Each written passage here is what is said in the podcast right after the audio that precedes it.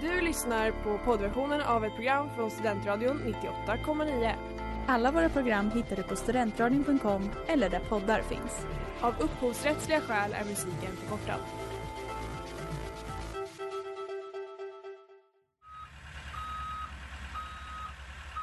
Smeds, Cross och Entreprenad är en stolt sponsor av alla sändningar och program här på Studentradion 98,9.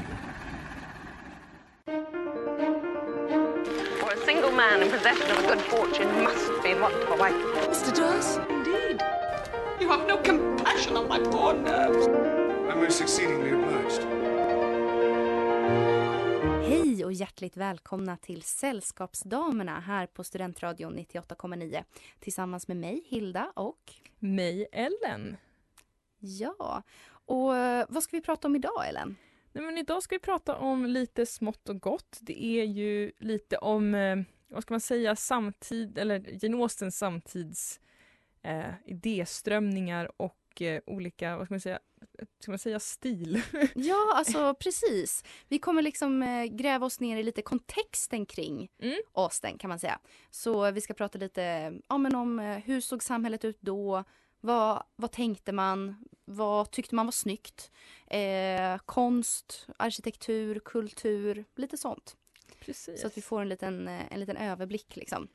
Ja, för vi pratar ju ofta, vi pratar ju mycket om karaktärerna och liksom olika influenser som kan ha funnits med dem och liksom könsroller och så. Men vi har inte pratat överdrivet mycket om liksom den historiska kontexten så att säga.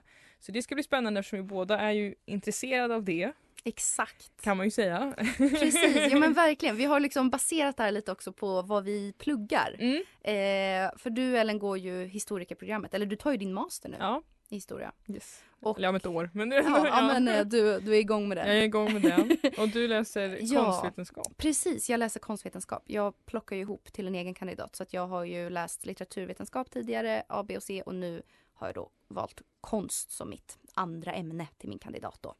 Eh, så att, eh, och då lär, lär man sig också väldigt mycket om historia just, fast via liksom Ja, man har konstglasögonen på Mm. och tittar på världen genom dem kan man säga. Eh, så vi ska gå igenom det lite Mm. helt enkelt. Det blir väldigt spännande tycker jag. Jag med, det kommer bli superkul. Och så har vi en lite läskig lyssnarfråga också tycker jag.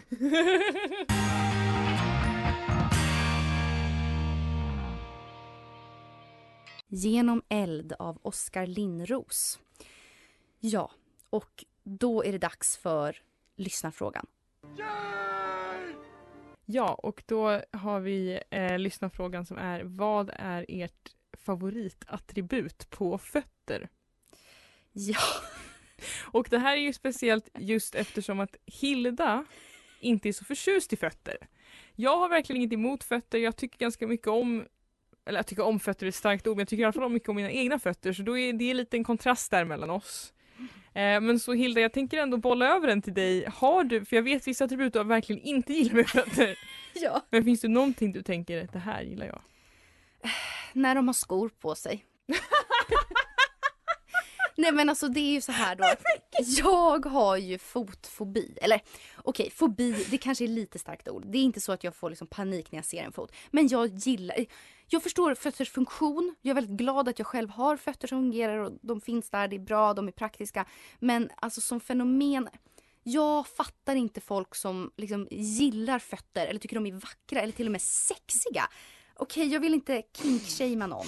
Men alltså jag tycker att fötter är, de luktar illa, de har, är ofta lite svampiga till konsistensen och fuktiga och liksom, och de ser ut som de konstiga koraller, jag förstår inte, alltså de är så fula och ocharmiga och ja, vi har fått in den här frågan från en vän till mig som jag, jag vet har, har fått höra om där med min, min fotfobi då. Som, den, den lever i mig och det är tråkigt men nej, jag, alltså för mig är den bästa foten en Den- fot som har en sko. Den täckta foten. Ja, den täckta foten. Du då Ellen, du som är mer öppen för fo- Ja. fotens liksom, existens. Eh, ja, nej, men jag tycker ganska, jag kan tycka om, alltså du vet den här, det är som typ som ett, eh, heter det valv? Alltså som ett valv Ja. under fot, mellan hälen. Fotvalvet. Heter det så? Ja. Ja men titta vad Eller bra. jag tror det. Ja men det är liksom det valvet där mellan fotdynan. Hålfot heter det. Precis, den kan jag ändå tycka är lite trevlig. Om det är en sån här snygg fot så. Alltså men gillar du då om den är väldigt hög? Eller? Nej men alltså jag menar bara du vet om man kan tänka sig typ som en ballerina när de håller ut foten Ja. sådär spänt att det kan vara lite för att det ger Ja. lite så dimension till foten tänker jag. Mm. Men jag tror kanske att Austin skulle vara mer inne på din linje för att vad jag vet så ser man nästan aldrig någon av kvinnorna i alla fall utan skor. Mr Darcy tar ju av sig stövlarna i 1995s filmatisering Ah, för när han hoppar i sjön.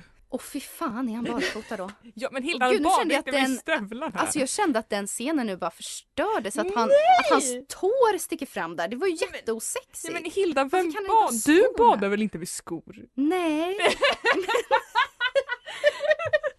men, men liksom Mr Darcy i strumplästen eller i, alltså barfota. Nej då tappar han sin pondus alltså. Nej men Hilda. Okej jag, jag kan förstå vad du menar.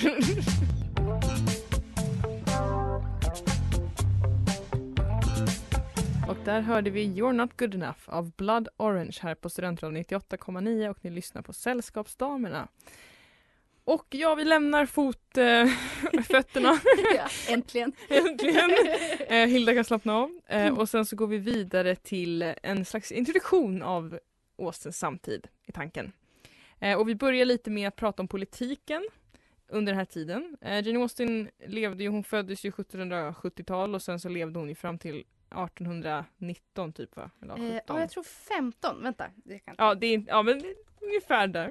Eh, eh. 1775 till eh, 1817. Ja du men hade titta, rätt. ja, men Mm. vad bra.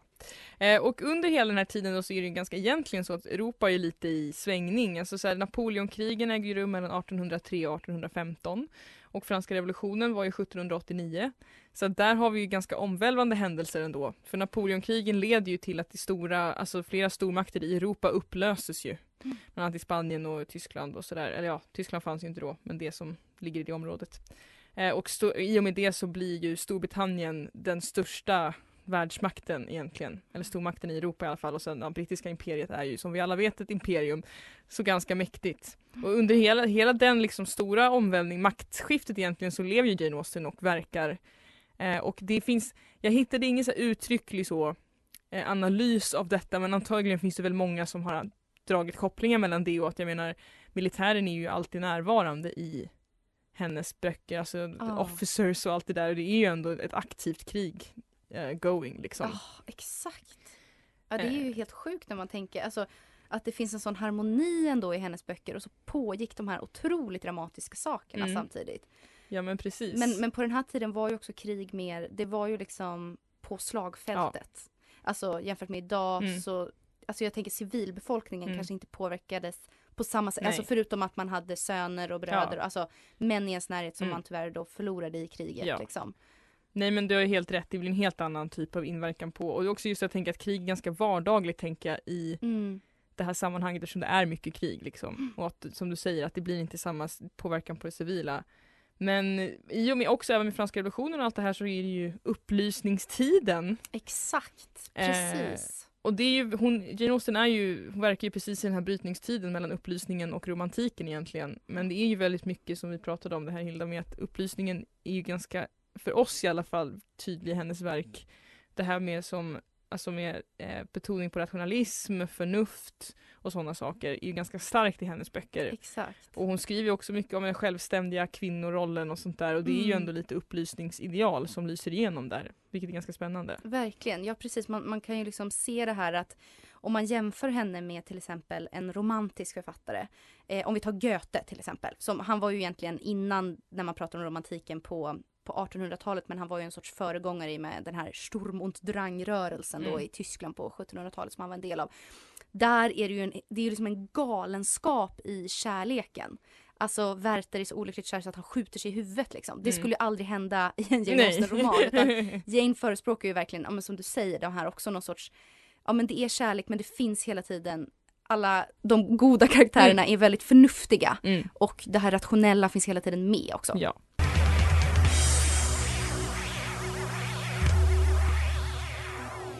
Snake av Shame and Blame och det är också veckans singel här på Studentradion 98,9. Ja, och eh, vi pratar nu om eh, Jane Austens samtid. Vi har ju pratat lite om politiken och också lite tankegångarna, alltså upplysningens tankar då kring ja men man betonade verkligen att människan är en förnuftig varelse, man måste ta rationella beslut, man ville komma bort från det här, eh, alltså tiden innan hade ju varit liksom väldigt ehm, Alltså först hade man haft de här uh, olika despotkungarna liksom under barocken till exempel som, ja det var det här uh, furstedömen och Mm. ja sådär och sen kom rokokon eh, den här väldigt sirliga, liksom blommiga stilen som avbildar mycket liksom, aristokratin som eh, har olika nöjen ute i naturen och eh, ja, bara har det roligt. Och sen kom liksom då nyklassicismen i samband med upplysningen. Så nu kommer vi då gå över och prata lite mer om hur tog det, sig, det här, de här tankarna sig uttryck i, inom konsten då. Mm. Och nyklassicismen då, den kommer ungefär kring 1750 på ett ungefär. Och den hänger ihop med de här tankegångarna kring liksom rationalism och, och förnuft och så. Och den vill, den vill revoltera mot den här rokokon som egentligen inte alls, alltså rokokon var helt opolitisk och bara var ah, vackert och härligt och Mm. livsbejakande, ganska underbart på ett sätt men också såklart problematisk på Ja. många sätt. Att den här ah, eh, aristokratins totala liksom världsfrånvändhet. Ja, man ska säga. Och då ville man istället då gå tillbaka mycket på de här, det som man såg som de antika idealen, alltså de grekiska, eh, grekiska, grekiska och romerska idealen. Och dygderna och liksom någon Mm. sorts seriositet och, och, och så. Det, det, fin, det fanns en eh, tysk arkeolog och konsthistoriker på den här tiden då som hette Winkelmann och han var eh, den här tidens största expert på just grekisk-romersk konst.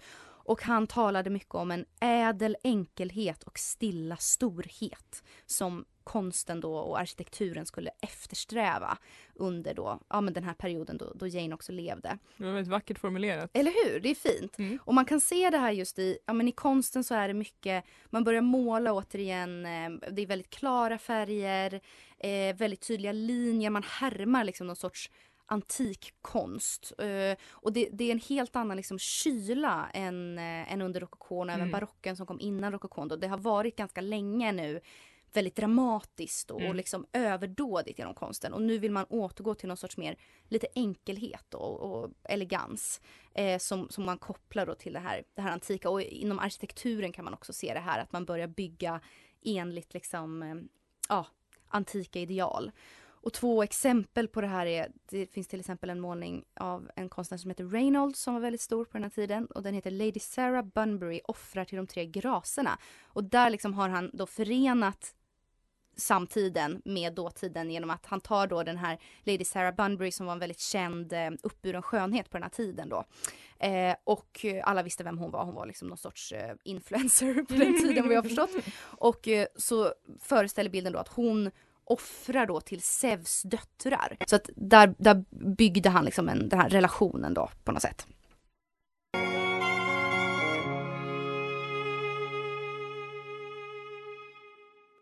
Kniven i hjärtat av Kajsa Grytt.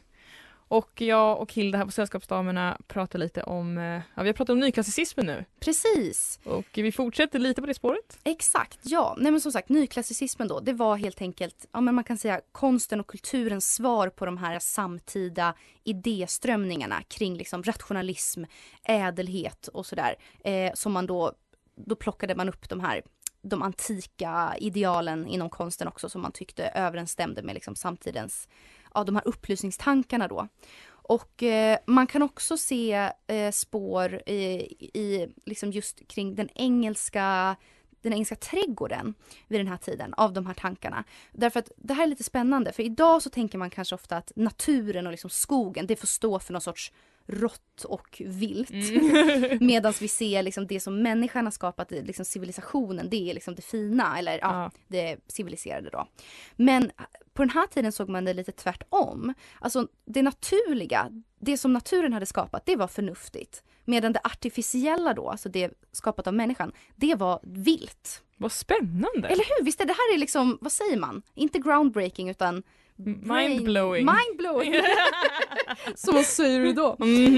Nej men det är väldigt mindblowing. Det är liksom ett helt annat sätt att se på saker. Mm. Och ur den här tanken om då att naturen var förnuftig byggde man då, eller planerade man de här eh, väldigt ikoniska liksom, engelska trädgårdarna, engelska landskapen som man just känner igen så mycket från Janes Ja, eh, böcker och de här kostymfilmerna och så. Alltså den engelska parken som liksom är Alltså de- den är väldigt, väldigt, eller den var ju väldigt planerad, den engelska Mm. trädgården. Fast det skulle se ut som att den inte var planerad. Det Ja. skulle se ut som att det här har naturen skapat, det är inte artificiellt. Fast det var ju artificiellt då. till skillnad från då den, den till exempel franska trädgården som är väldigt, väldigt tuktad. Mm. Eh, det, det såg man som liksom, ja men det var mer vilt då tänkte man. För det var liksom inte naturligt. Men gud vad spännande för det är ju verkligen, alltså engelsk trädgård känns ju så sjukt ikonisk. Eller hur? Så det är ju jätte, jag visste inte jag att det var så. Ja, nej men så var det. Och eh, sen så kan man också se liksom ehm, eh, det, det var väldigt stort med något som heter palladianismen, vill jag bara nämna lite kort innan vi, innan vi avrundar här med det här. Och det var då en, en typ av liksom arkitekturstil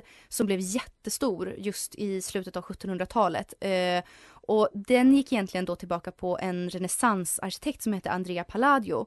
Eh, men, men han byggde just mycket också så här lite ja men enligt det klassicerande formspråket och det här antika formspråket. Och där kan man också se mycket just den här arkitekturen då det är, det är mycket kolonner, det är mycket liksom Ja men han bygger på ett väldigt liksom, eh, lite, inte slottsliknande utan ja, men det ser verkligen ut som någon sorts antika tempel. Och de satte man ju gärna då i de här trädgårdarna för att verkligen skapa den här nyklassicerande miljön.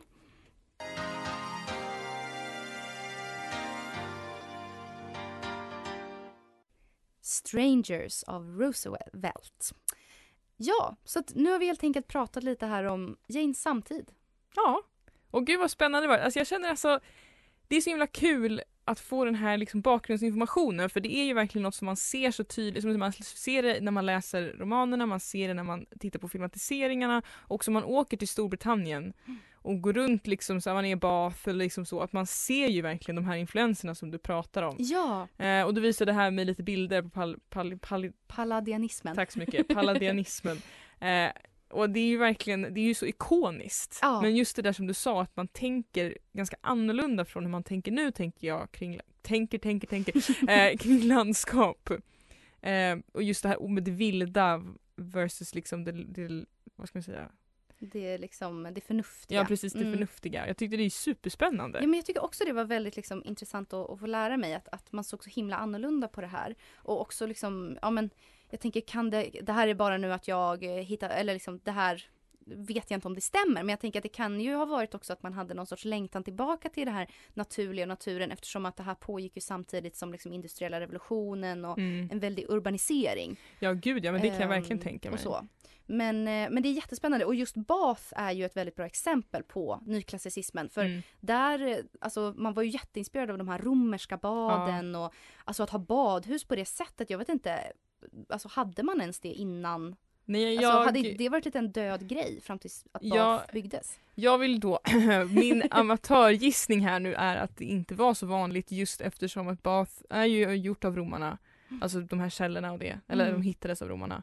Och jag tror att det är relativt unikt för jag tänker också generellt på det här med att avklätt bada med folk vet jag inte Nej eller hur? om det, men det kanske i och för sig män kanske alltid har gjort det tillsammans och kvinnor tillsammans. Men alltså jag vet inte, men jag tror att det känns, det känns ganska unikt också just att det, man åker dit för att take the waters så att det blir liksom en anknytning till antiken på ett Mm. väldigt tydligt sätt. Liksom. Ja verkligen, verkligen.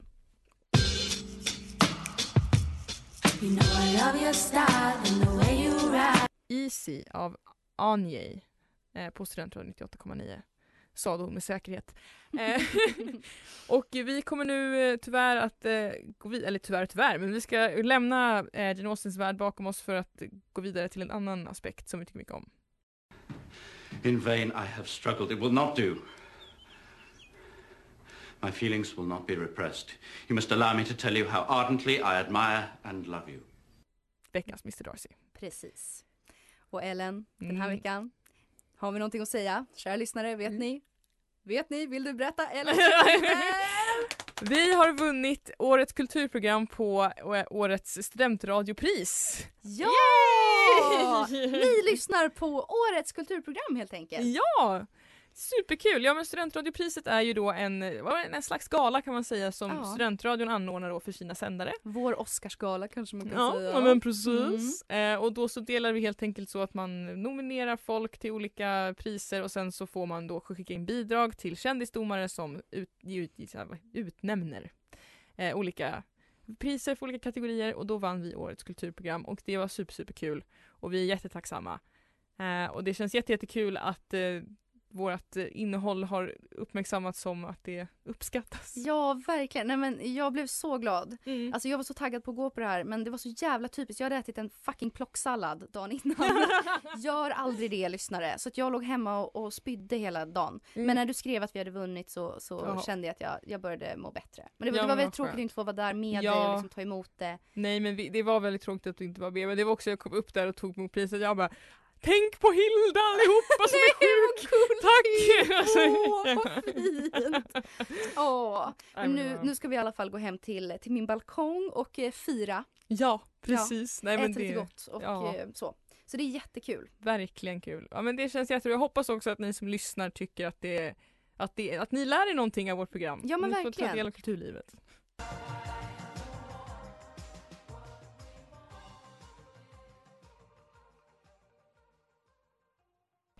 What We Want av Young Galaxy.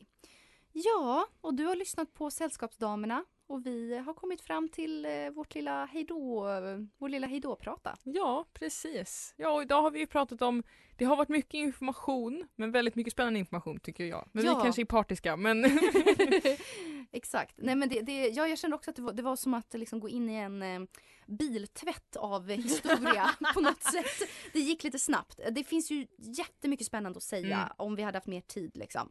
Eh, för det är ju en väldigt spännande tid som, som Jane levde i. Och jag Ja. tänker också att hon Alltså hon dog ju när, alltså rom, romantiken hade ju börjat liksom Mm, spira verkligen. under hennes levnad. Så att hon fick ju också se den här liksom övergången som inte heller verkar vara helt, alltså vad jag förstått i Mm. alla fall, inte helt lätt att så här urskilja liksom. Nej, när, när nyklassicismen övergår i romantik Ja, och så. Men, men ehm, ja, det var ju verkligen en, alltså, en spännande tid hon levde i faktiskt. ja, definitivt. Ja, och det är mycket, alltså även om den politiska omvälvningen, alltså, jag menar samhällsstrukturen i England förändras ju också i och med, som vi pratade om som nämnde innan, med industrialisering och sådana där saker.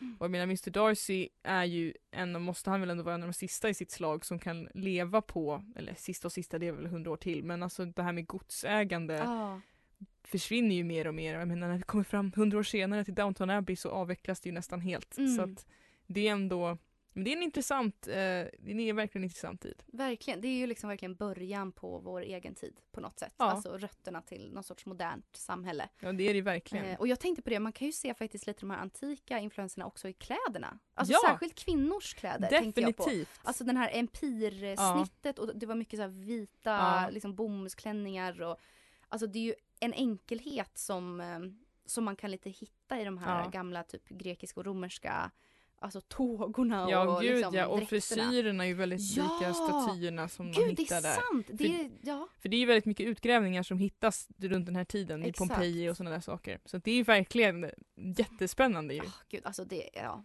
Läs vidare Läs allihopa. vidare. Och ha en fin vecka. yes! Du har lyssnat på poddversionen av ett program från Studentradion 98,9. Alla våra program hittar du på studentradion.com eller där poddar finns. Och kom ihåg, att lyssna fritt är stort, att lyssna rätt är större.